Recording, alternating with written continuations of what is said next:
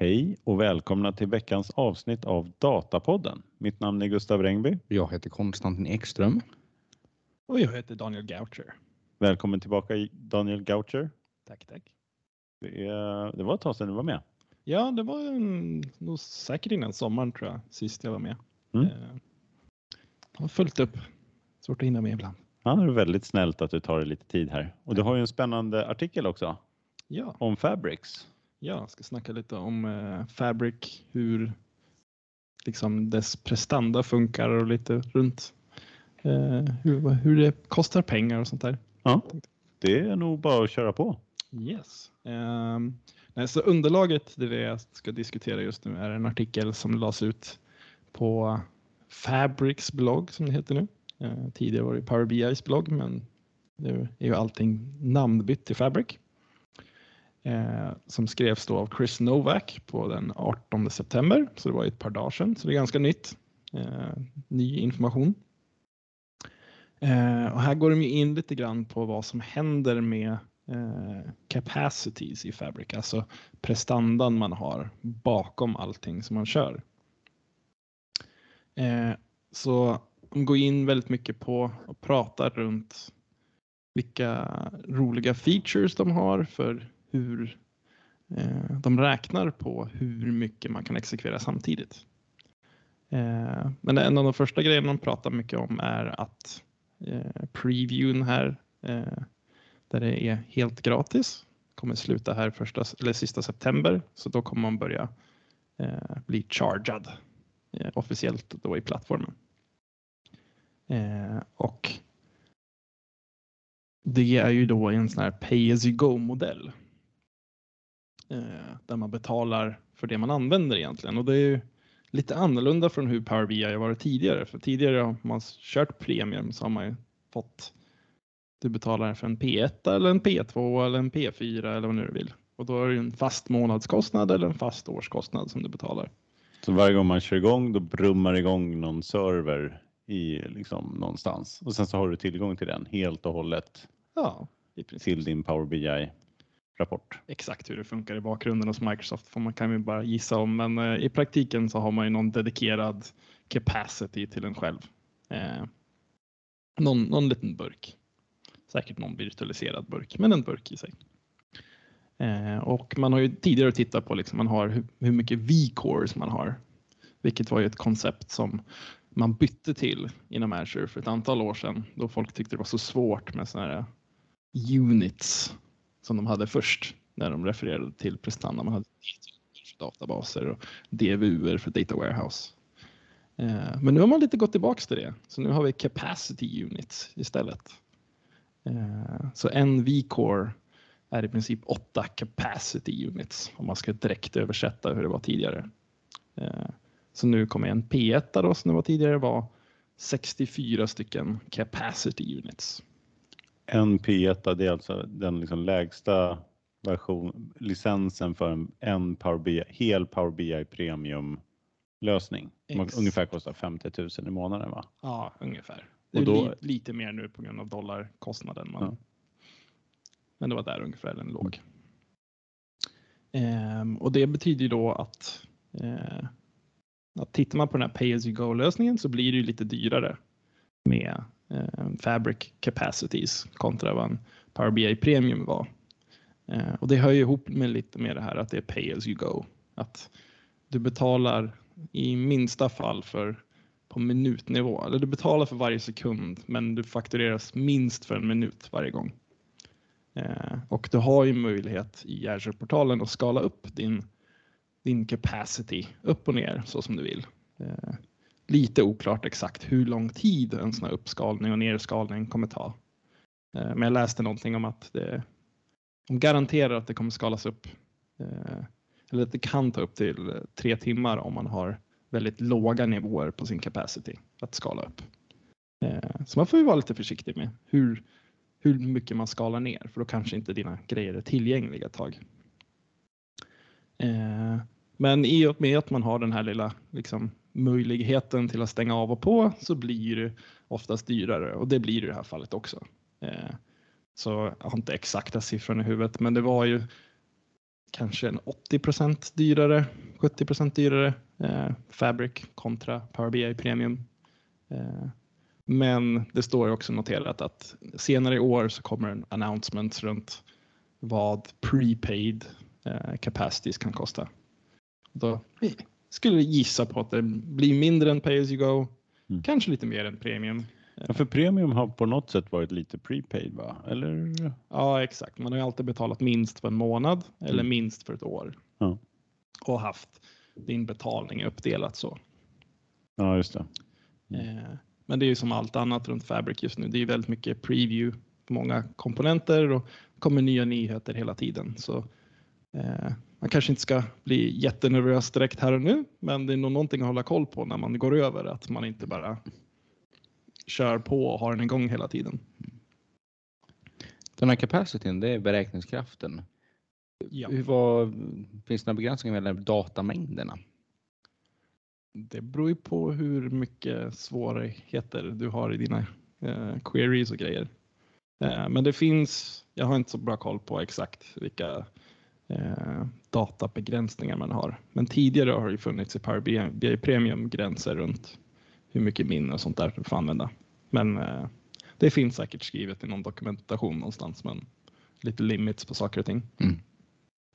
Eh, Men det de går in på i alla fall här i artikeln är runt en ny feature de man ansar då, eller som de pratar om nu, som så kallad bursting. Vilket då betyder att man kan använda lite mer prestanda än det man har köpt under en kort period. Eh, Men som man sen måste ge tillbaks. Så i princip man, man, man gör ett lån från sig själv i framtiden på prestanda. Så, men om man lånar för mycket då kan all ens computer bli throttlat då, så att man inte, ja, i värsta fall inte kan köra någonting. Eh, Throttlat var ett ord jag var tvungen att slå upp vad de menar med det. Strypt ja. Sven, svenska Ja. ordet är väl stryp, att man, de stryper det. liksom. Aj, aj, aj. ja. Eh, Det blir lite så här svengelska när man Mm. läser Det är lite som förskottsbetalning på lönen och så bränner man alltihop och sen så har man inget. Ja, så kan man säga. Man, man får akta sig med att gå ut direkt efter man har fått lönen också, liksom, så att man har lite pengar kvar. Eh, Men det jag tror lite mer över kortare perioder, så man pratar ju här eh, antal minuter som man kan låna i förväg och inte antal timmar eller dagar. Så då stängs man av ganska snabbt. Eh, men det är om man har några laddningar som är igång så kanske den kör igång och liksom får klart det där lite snabbare. Eh, och sen eh, ja, har man kanske ingenting som körs på några minuter och då får man tillbaks det där prestanda. Liksom. Hela grejen med det här är att man ska skala sin prestanda över snittbehovet man har och inte behöva skala för de peaks man har. Vilket har ju varit lite av ett problem med Power. BI Premium eh, historiskt. Att man, okej, jag har min måndag morgonsladdning första i månaden där all finansiella siffror ska köras och alla håller på och trycker ut sina rapporter och allt. Eh, eh, så kunde det vara lite svårt. De löste lite halvt det med sin autoscaling feature som de släppte här för något år sedan eller så. Eh, Men det här hjälper ju lite mer under ytan att få mer prestanda utan att du måste betala extra för just den biten, vilket det har varit tidigare. Eh, och sen har de ju släppt en hel del rapporter då också för att man kan följa upp eh, de här capacity units, hur mycket man använder, hur mycket den har hållit på frottlat eller strypts och hur mycket du har lånat från framtiden och så vidare. Så man kan följa lite och se vad som pågår eh, där bak för att kunna göra något bra beslut runt hur mycket prestanda man behöver då. Eh, vilket är lite kul. Ja, intressant. Yes. Och det här blir ju då från och med första oktober de här grejerna kommer börja synas då Power BI eller Fabric då officiellt går över till att köra med capacity units istället för V-cores, vilket var det man tittade på tidigare. Ja, och den, den liksom här, en stor förändring här, det är ju att nu kan den där kapacitetsenheten både användas i Power BI och då till resten av Fabric liksom funktionerna. Alltså till eh, data engineering och eh, lägga data i en data lake och, och beräkna något mätetal någonstans eller hämta data från något annat system och allt möjligt. Exakt, det simplifierar ju lite det man, ens hela dataplattform. Man köper ju bara liksom en server som kör alltihopa. Också gå tillbaks till lite hur man hade kanske tio år sedan när man hade en stor VM eh, on-prem. Lite med de liksom, nackdelarna som det kan medföra också, för det kan ju vara du sitter, någon sitter och kör någon väldigt jobbig tung fråga i någon rapport som använder upp hela din kapacitet och sen eh, funkar inte riktigt dina laddningar för att de hade inte hade tillräckligt med prestanda. Så man får ju, det simplifierar ju men gör det också lite, eh, kan vara grejer som krockar med andra grejer. Mm. Så det gäller att man försöker få använda de här rapporterna för att försöka hitta sådana här patterns där eh, kanske inte går så bra att dela. Eh, så det är lite på gott och ont. Mm. Det blir spännande att se hur, hur det blir i praktiken sen när Mm. allting börjar gå live och folk börjar köra det på riktigt. Ja, vad tror ni, kommer den här liksom själva kapacitetsberäkningsfunktionerna, de verkar ändå vara ganska eh, intressanta och bra. Hur viktiga tror ni de kommer vara för liksom valet om man ska köra Fabric eller om man kör Pay as you go istället och kör bara Power BI Premium liksom eller något liknande? Ja, det blir svårt att säga. Jag tror all, allting studsar tillbaks till pengar i slutändan när man Mm. väljer hur man ska bygga saker. Eh, Det är en väldigt viktig komponent till det hela. Eh, Och det, det som är bra med det här är att man kan börja med en mycket mindre eh, prestandanivå. Givet att man byter ut här V-cores mot capacity units så har man mycket mer granulär skalbarhet i det. Att man kan börja med något litet du kan pausa det, du kan starta igång det, du kan skala upp. Du kan testa det lite framåt. Det måste inte vara att ja, nu ska jag committa till 50 000 i månaden Mm. eh, off the bat. Så det gör det lite möjligt för mindre kunder att hoppa på Fabric-tåget och testa lite. Också för nya kunder att våga testa eh, att köra det. Eh, så jag tror nog den, den möjligheten som det ges med att kunna ha en, en mindre mängd för att börja med för att se hur det funkar tror jag är nog väldigt bra. Ja, just det. Och även liksom kanske stegen då mellan förut om det har varit, för det har varit, man har köpt eh, Power BI Premium, det har varit P1. Nu Mm. kostar det 50 000 i månaden. Sen så ska man öka på den så blir det 100 000 för då köper man P2 va? Exakt.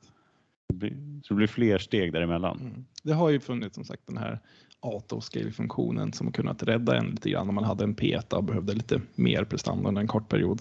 Mm. Eh, men jag vet, det är ju en stor fråga man oftast har när man är ute hos kunder. Att vilken, ska jag ha en P1? då? Räcker det för mina behov? Och det har ju varit väldigt svårt att säga. Eftersom det beror på så himla många olika aspekter i vilka typer av rapporter har vi? Hur ska det här användas? Eh, så det har nästan varit omöjligt att säga. Man är i princip att man säger men vi börjar med en P1 och så får vi se hur det går. Eh, Här blir det ju att man kan, ja men vi börjar med en, eh, ja, jag har inte koll på exakt vad minsta capacity unit som man kan köpa men eh, så lite som möjligt och sen ser vi okej, behöver vi mer? Ja, då skalar vi upp. Behöver vi mer? Ja, vi skalar upp. Eh, och kanske kan ha liksom, ja, men vi har lite mer prestanda på eh, veckodagarna. Kanske man skalar ner det lite på helgerna eller Ja, just kan, det. man kan ha öppet tider för sina rapporter. Mm. Tvinga folk att ta det lite ledigt på kvällarna. Kan, kan vara bra ibland. det kan vara bra. Det kan vara bra. Nej, men det, ja, det känns väl det är roligt. Det kommer lite Fabric-nyheter här hela tiden. Mm. För det händer så mycket där nu. När de håller på att förbereda den där. Exakt. Väldigt mycket att hålla koll på. Ska vi gå vidare till börsen? Ja, och eh, every company is a software company. Nu är det every company is an AI company. Vet ni vem som sa det?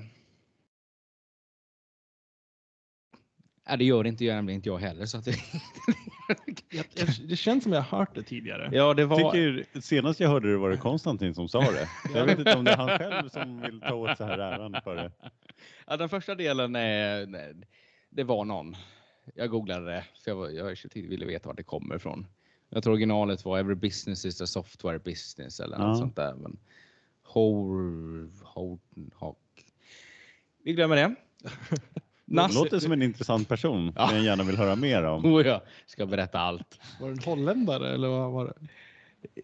Ja, någon, nå, någonstans. Kan det ha varit. Planet, planeten jorden tror jag. Nasdaq, vi rör oss mot börsen. De grundades 1971 som ett digitalt system för att distribuera marknadsdata och äger och driver idag 27 börser eh, runt om i världen och säljer sin programvara till mer än 100 eh, över hela världen.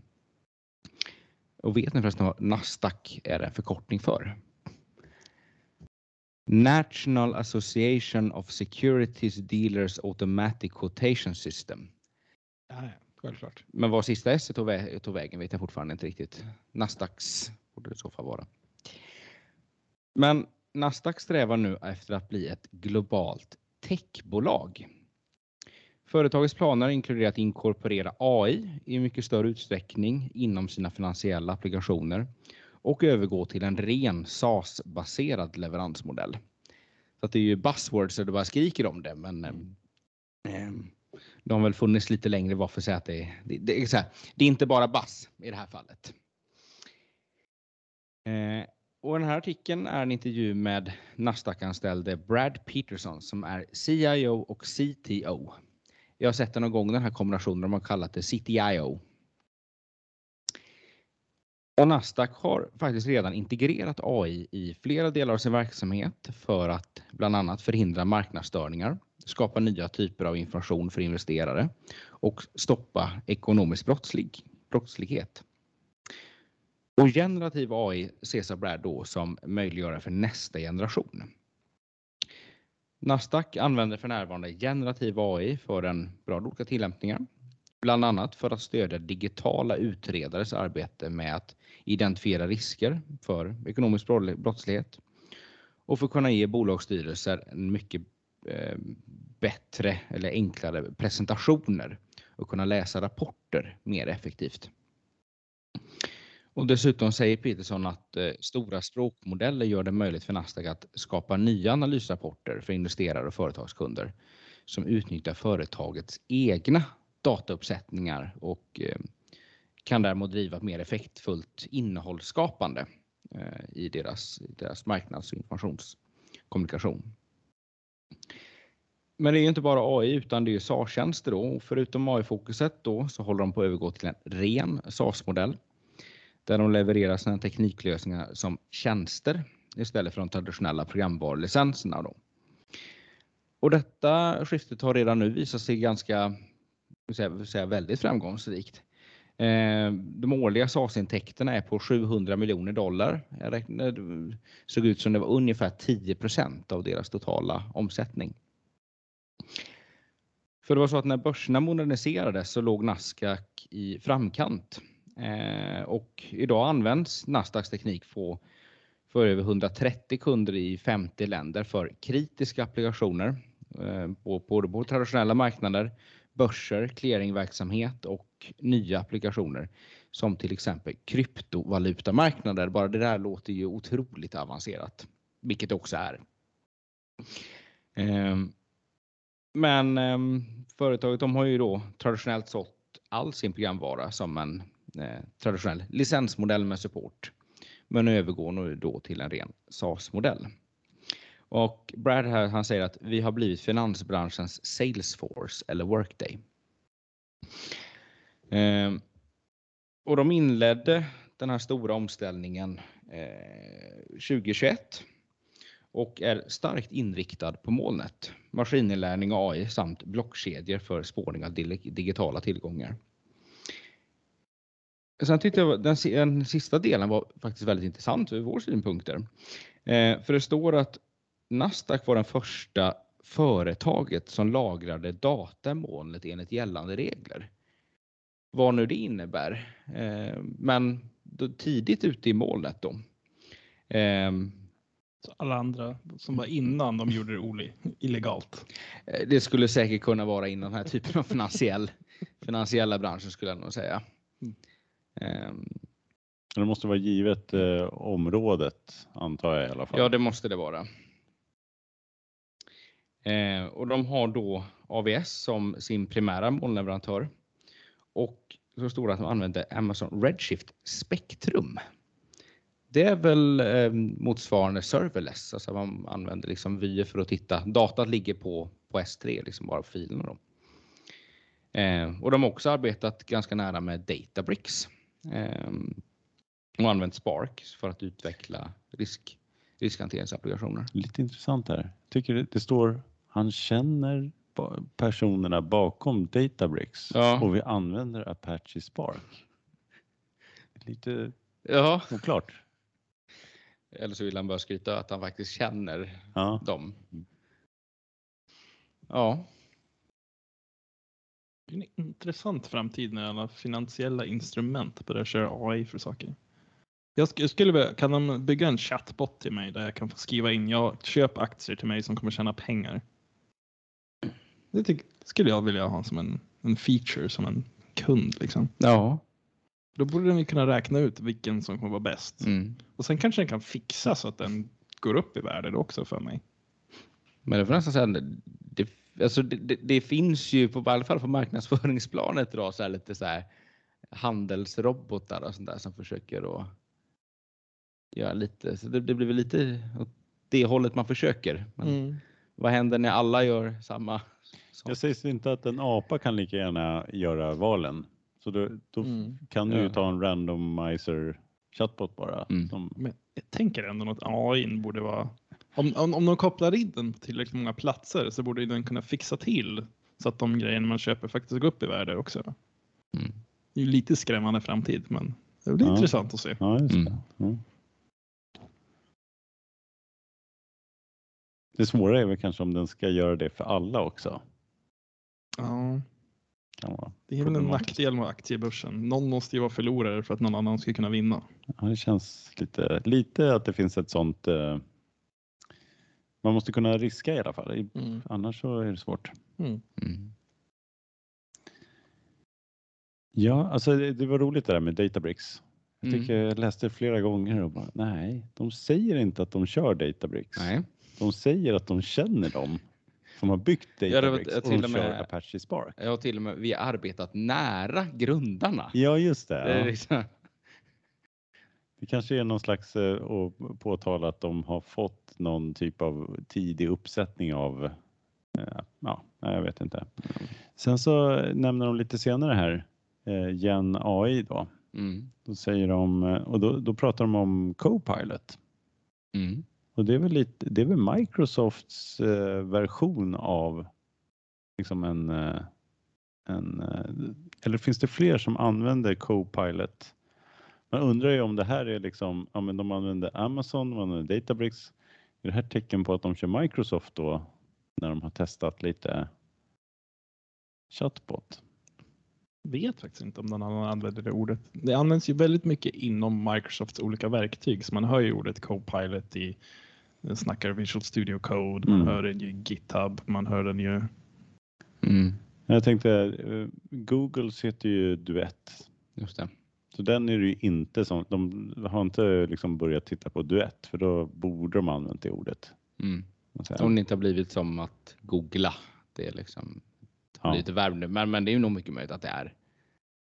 Ja precis, för det kan ju vara Nej. författaren som skriver Copilot här också. Mm. Behöver inte ens vara från uh, ursprungskällan. Uh, källan. Ja, eller det är Copilot som har skrivit Copilot som då har skrivit artikeln hela vägen igenom. mm, så kan det vara också. Man vet ju aldrig nu för tiden. Var lite försiktig. Ja, det är superspännande. Mm. De har ju väldans mängder med data också. Så att, eh, det, lär, Och snabbt går det. det kanske är ett uh, börsråd här att gå in och så att, jag vet inte om Nasdaq ligger på börsen. Jo, det gör det. Ja. Sen 2005 eller något sånt där. Det har gått ganska bra. Ja. Man tänker att det borde gå bra för börsbolaget på börsen. Ja, alltså de tjänar ju pengar på att det bara att det handlas. Det spelar ingen roll om det går upp eller ner utan bara, Mm. bara liksom antalet transaktioner ökar så är alla nöjda och glada. Ja, spännande. Några Mm. andra kommentarer? Ska vi gå vidare? Vi går vidare. Mm. Till ännu mer eh, generativ AI. Det är ju liksom det stora området där man kan använda data som, ja, det är fortfarande, hypen är inte riktigt över än får man säga. Nej. Vi hade ju Gartner här som sa att hype-cykeln, att den är, liksom går ur nu. Mm. Jag tycker artiklar, det fortsätter komma massa artik- artiklar om det och det kommer ju ännu mer saker där man kan dra nytta av det också som blir tydligare. Kanske mindre liksom bara tekniskt Mm. mer affärsnytta. Mm. Och eh, en artikel här som vi har, jag tror den var från en sajt som heter Euronews. De hade en artikel i Svenska Dagbladet också, men vi tog den här, för den här är eh, gratis att gå till. Så kan alla klicka på den. Rubriken ChatGPT could diagnose eh, patients as well as doctors in emergency room. New pilot study says.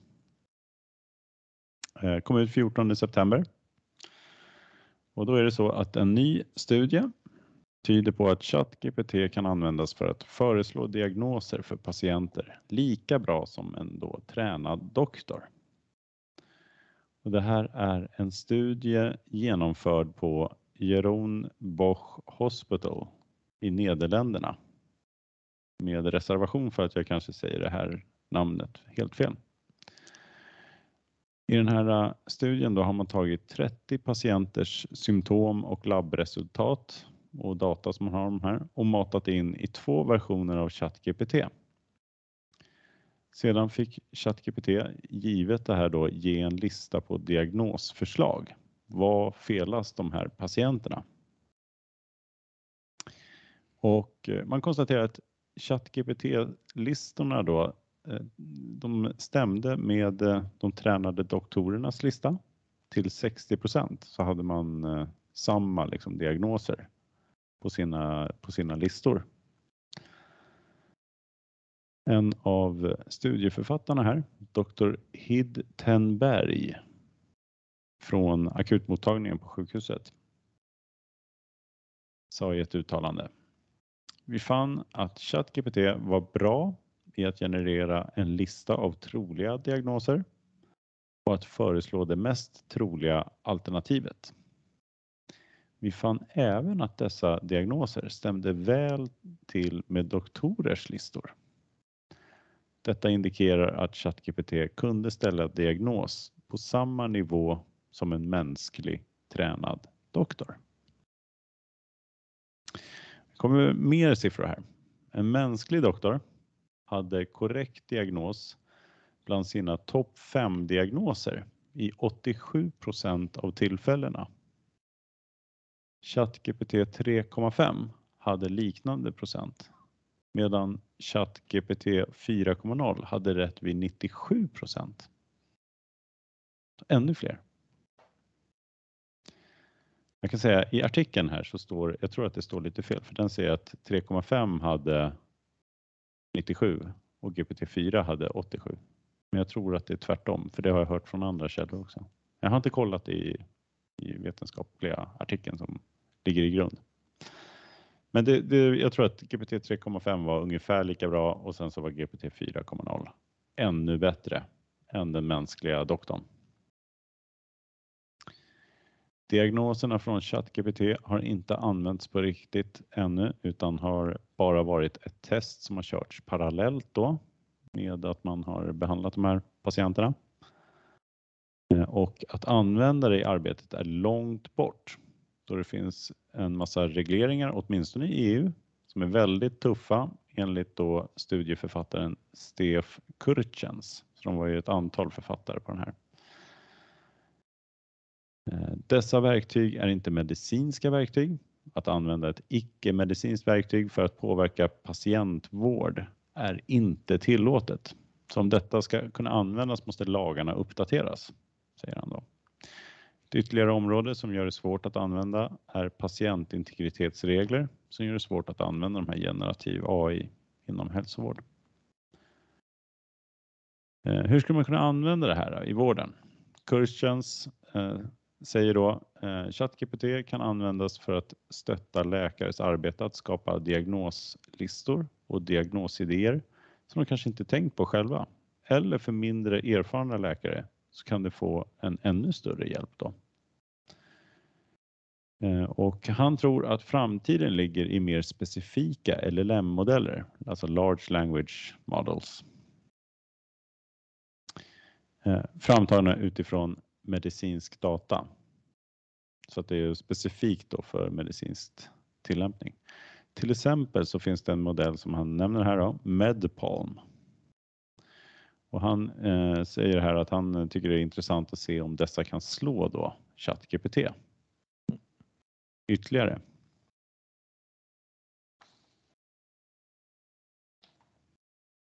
Kan även användas för att stötta i diagnos de här då.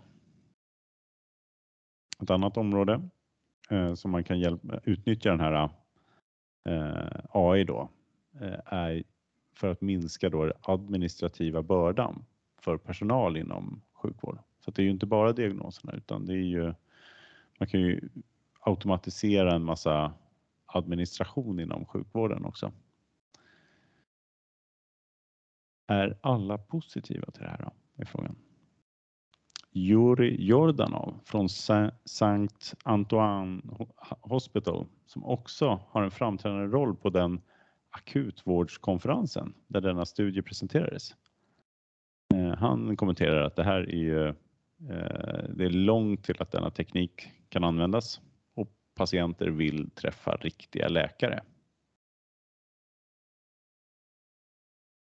Mm. Mm. Det känns ju väldigt mycket som att ett första steg skulle ju vara att ha det som en hjälpreda liksom. Ja, verkligen. Men jag undrar, du sa att det inte fick användas. Mm. Handlar det om att det måste vara en läkare, liksom får läkaren fortfarande ha det som stöd själv eller att det får inte förekomma överhuvudtaget i verksamheten? Jag jag uppfattar det som att om det inte är liksom framtaget specifikt för eh, sjukvård, Mm. ett medicinskt verktyg, så får man inte använda det enligt då den här eh, medförfattaren då. Mm. Eh, vad hette han? Han säger ju det att det, det är liksom, du, du får inte. Nej.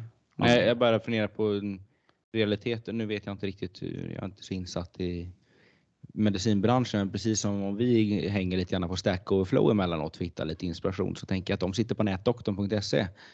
Eh, Det borde vara ungefär lite samma liksom, Mm. koncept där man skulle kunna få lite hjälp och inspiration. Ja, precis. Men frågan var om det, det var liksom olagligt då. Ja, sen så då är det ju en läkare emellan så det borde ju vara ändå okej då, Mm. antar man. Men eh, ja, det kanske hamnar i liksom en, så fort du börjar göra det mer specifikt så kanske det blir problematiskt. Jag Ja, vet inte. tänker ju liksom så här, om man ska mata in det i ChatGPT nu tror jag i praktiken så som man säger det är mycket bättre att ha en large language model som är tränad för just det här syftet än att den ska liksom föra en bra konversation med dig Mm. som ChatGPTs stora syfte är. Liksom. Eh, så måste man ju mata in väldigt mycket detaljerad data för att få en bra resultat. Du måste ju mata in såna här känsliga privata detaljer som kön, eh, ras, ålder, alla de här grejerna som man blir väldigt känsliga under GDPR och trycka in någonstans. För det finns ju Mm. väldigt många sådana komponenter som Mm. ger väldigt starka ledtrådar till folk inom sjukvården till vad det kan vara för någonting. Eh, Så jag tänker ju att det finns någon hel data, data privacy, en stor data privacy aspekt på det här som måste lösas rent legalt innan de kan sitta och använda det. Mm. Men sen liksom, det måste ju vara en grymt hjälpmedel för läkare och så vidare. Liksom, det, det finns så många olika saker som kan vara fel på oss som människor. Det är svårt att ha det i huvudet.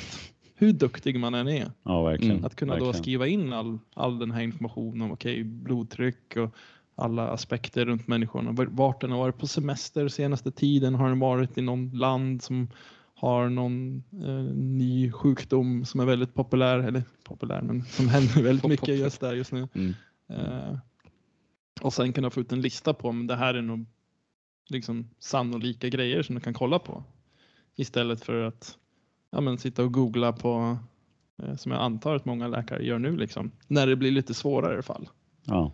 Så kan ju sådana här, såna här eh, LLM hjälpa väldigt mycket för att peka dig åt rätt håll i alla fall. Mm. Sen tror jag, som man säger, att, att, att många vill nog träffa en riktig människa. Eh, Jag tror det är en väldigt farlig grej om alla börjar sitta hemma och försöker mata in sina egna symptom och så säger ChatGPT en massa hemska sjukdomar som man potentiellt kan ha. Eh, Det kan vara ett ganska jobbigt svart hål för folk att krypa in i. Så, Mm. Ja, verkligen. Mm. Eh, Ja, precis. Det, det är nog, vi har väl varit inne på de här olika typerna av hur AI kan hjälpa. Det ena är liksom en ren automatisering och det andra är hur den liksom gör att en människa kan bli mycket mer effektiv. Mm. Det här är väl uppenbarligen så att det här handlar mycket om att bli mer effektiv. Mm. Eh, Sen är frågan om inte den här administrationen slår eh, diagnosdelen inom sjukvård. Mm. Att det finns mycket mer att tjäna där. Mm. Mm. Den var ju uppmärksammad på nyheterna på tv Ja, det var det. här veckan. Ja. Och det var ju, det var ju väldigt positiva tongångar kring det. För att det var liksom mer tid, all, allt som kan ge mer tid till patienterna liksom är nyttigt. Mm. Och det var liksom ingen det är inte så att oron var att ja, men då förlorar de jobbet utan liksom det, det finns att göra ändå Mm. Ja, i precis. det fallet. Mm. Men jag var lite nyfiken på när du sa de här procentsatserna på topp 5. Mm. Innebär det att rätt diagnos fanns bland de fem som de föreslog? Ja, precis. Så att då, var, då kunde man nästan räkna med att det, den var alltid med rätt Ja, svar precis. på GPT-4. 97 procent. Nu ska man ju komma ihåg här. Det är ju 30 patienter. Det är, Mm. det är knappt statistiskt säkerställt får Ja. man säga. Mm. Det säga en har de haft fel på. Mm. För det är 3 procent då. Just det. Det är nå- någon kommer in med foten som hänger åt fel håll och så kommer fram till att det är ett brutet ben. Liksom. Precis. Kan precis. ju vara en av de fallen. Ja, eller det här, äh, har det inte blivit så att äh, de här generativa modellerna som gör bilder har kommit fram till att äh, man har sex äh, fingrar Exakt. för att den har läst in en massa bilder som är gjorda av generativa modeller. Exakt, den lär sig av sig själv och sen hamnar den i en loop liksom. Ja. Mm. Så det kan vara något sånt misstag som den har gjort då. Ja. eh, Men det är, det är också därför man inte vill ha det helt automatiskt än, för det är inte riktigt redo för det. Nej. Den ibland lju- blåljuger ju de här modellerna rakt Mm. upp och ner till en och så får man ut någonting helt fel. Och det blir ju problematiskt när man börjar prata om folks hälsa. Eh, folk matar in och blir liksom, får en diagnos på någon livsavslutande eh, sjukdom Mm. och sen i verk, verkliga fallet så har man inte sovit tillräckligt. Mm. Ja, precis. Det här är ju, alltså de här ChatGPT, det är ju textanalys de är gjorda för. Mm. De, de tar och försöker gissa vad nästa ord kommer vara Mm. i, i följden. Det, det blir lite så här att ha, jag tycker att det borde ju vara att man borde använda mer, det finns ju sådana expertsystem också där man matar in diagnoser och sen får man liksom vad var det rätta, Mm. en mer klassificering. Den borde ju bli mycket mer korrekt för annars så finns det ju bara en risk att du har en massa texter om, om någon typ av symptom och en eh, liksom lösning och då är det det som blir det viktiga. Ja, men procentuellt sett så har det varit fler eh, exempel på den här typen av eh, händelse. Jag vet inte, det känns Mm. inte som det blir riktigt statistiskt säkerställt Nej. om man har en så, både att man har en så dålig datakälla så att man går på text, eh, hur mycket text som, eller liksom hur ofta de här orden dyker upp med varandra i stort sett. Mm. Man kan ju tänka sig en stor diskussion som har pågått på internet. Om man säger ChatGPT som lär sig utifrån internet. Någon kommer in och har någon sjukdom. Det skulle nog inte helt omöjligt vara att den spottar ur sig att ja, men har du vaccinerat dig för mot covid? Ja, precis. Och sen eftersom många har skrivit mycket om det på Twitter och på hemsidor överallt så skjuter den ut då. Ja, men det är på grund av att du vaccinerade dig som Mm. att du nu har den här sjukdomen. Det kanske är bra med det här med att det ska vara en medicinskt verktyg kan man säga. Ja, den ska nog inte sitta och träna sig på x.com eller vad man ska säga. Nej. Men det var väl lite grann som när vi pratade om eh, AI i rättssalen. Det var ju något sån här, om man, näm- om man nämnde taxi och mustasch så blir det automatiskt ett högre straff. Just det. Eller något ja. sånt där. Jag vet inte, mustasch vet jag inte. Men, Ja. men, men det, var så, det var väldigt beroende på vilka nyckelord man hade. Mm. Eh, men eh, oavsett då, vågar man vara så här negativ som Jori är? Att säga att det här i stort sett, eh, det ligger väldigt långt fram. Det är ändå lite vågat att vara så negativ tycker jag.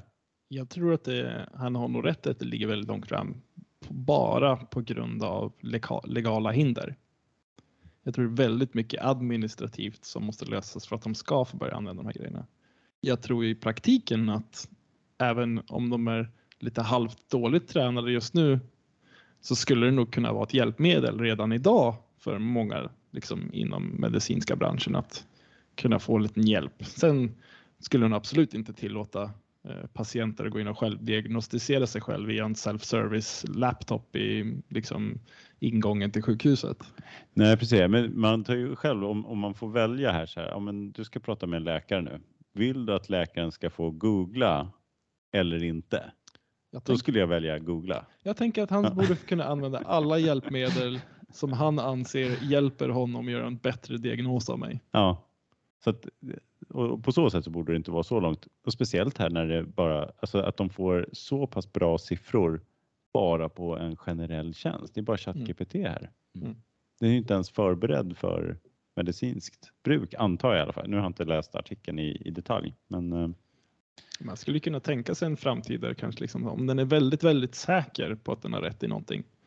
Då kanske det är tillräckligt för en liksom eh, någon first line doktor att kunna avgöra det. Eller en Ja, sjuksyster Ja. eller en sjukskötare liksom. ja, för mindre ärenden och sånt Mindre där. ärenden, Och det tar ju ändå, man vill ju hellre ha snabb vård också. Det finns väl någon typ av eh, eh, ändå kurva där. Alltså Ja. att eh, om du kommer in i en mindre allvarlig olycka eller något så vill du nog ha, inte sitta hela dagen på akuten om du får lite snabbare och okej, det är inte den eh, bästa liksom, doktorn, men med Google så blir det som den bästa. Ja. Eller med ChatGPT. Ja, jag tänker väl liksom man hör ju hela tiden alla berättelser om hur överarbetad eh, medicinska kåren är. Mm. Eh, om vi kan minska lite av deras börda genom att använda lite mer teknik eh, och få liksom varje kundbesök att gå lite snabbare så det är ju bara positivt för alla. Ja, Ja, men vi kanske är lite då tekniksavvy då. Vi kanske gillar det här lite mer än Juri i alla fall. Då, Ja. Det skulle jag nog säga. Ja, men har det här någon betydelse för eh, analysplattformar? Eller för organisationer i allmänhet? Man kan väl säga att eh, jag menar, om det är så här enkelt att vara läkare för ChatGPT, då finns det nog lite fler aktiviteter ute i organisationer här som man kan eh, eh, utnyttja det för också. Ja, jurister är det klassiska. Mm. Jag tror det finns oändligt med olika användningsområden som finns inom många företag. Mm. Man får ju vara lite försiktig på att blint lita på den bara tror jag. Så att man inte eh, kanske ersätter hela sin kundtjänst med en, med en chatbot som svarar på allt. Liksom. Man kanske ska ha lite koll på vad den spottar ut sig för någonting i, i det här läget. Mm. Eh, kanske har den för att generera upp lite eh, produktbeskrivningar givet några attribut som den har och allt sånt där kan man ju använda den till mycket för. Men man kanske ska läsa igenom den innan man bara Ja, trycker det. ut det. Som Amazon gjorde när de öppnade i Sverige. Ja, det var ju i och för sig var ju det väldigt smart för de alla höll på att skicka runt Amazon-länkar till produkter som hade översatts på ett dåligt sätt och som var väldigt roligt. Mm. Så man, man skulle kunna se det som en grymt bra marknadsföringsaktivitet av dem att släppa det när det var lite halvdåligt. Ja. Mm. Men det, det går liksom en gång, sen är det inte roligt längre. Jag tror jag hade, jag hade nog fortfarande tyckt det var kul om man ser någon Amazon-länk till en produkt som heter någonting extremt opassande. Eh, fin, finns möjlighet för skämt på internet fortfarande tror jag. Men när man går in där på sjukvården och, eh, och så säger man det här är mina, diag- eller liksom mina symptom och så säger den problemet är att du har ett finger för mycket, du måste amputera det. Då ska man eh, säga ja, men jag vill prata med en riktig doktor också. Jag skulle nog rekommendera det. Ja, Ja. det var veckans avsnitt va? Mm. Vi tackar för eh, denna vecka och hoppas att vi ses nästa. Yes. Gör vi. Tack så mycket. Hej då. Hej då.